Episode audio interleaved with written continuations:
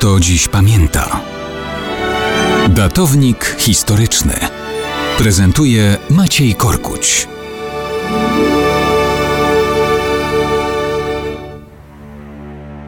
Mało kto dziś pamięta, że 9 lutego to 80. rocznica masakry, która zapoczątkowała zbrodnię wołyńską. 9 lutego 1943 roku to dzień, w którym sotnia ukraińskiej powstańczej armii z odłamu banderowców wymordowała głównie za pomocą noży i siekier całą polską wioseczkę Parośla w gminie Antonówka pod Sarnami na Wołyniu. Zamordowano niemal 180 osób, mężczyzn, kobiet i dzieci, łącznie z niemowlakami.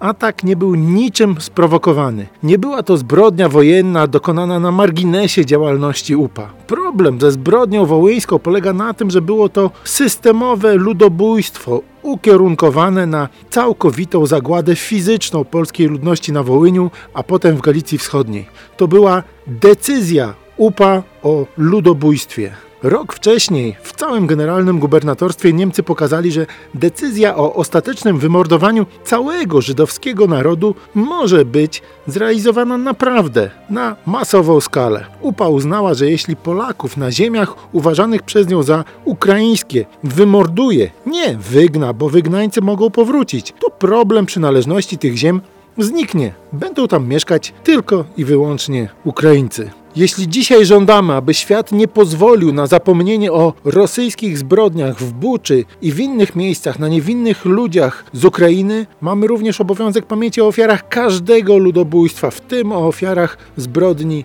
UPA. Jeżeli państwo ukraińskie nie chce w tym miejscu wspierać propagandy Putina, musi się z tym tematem zmierzyć.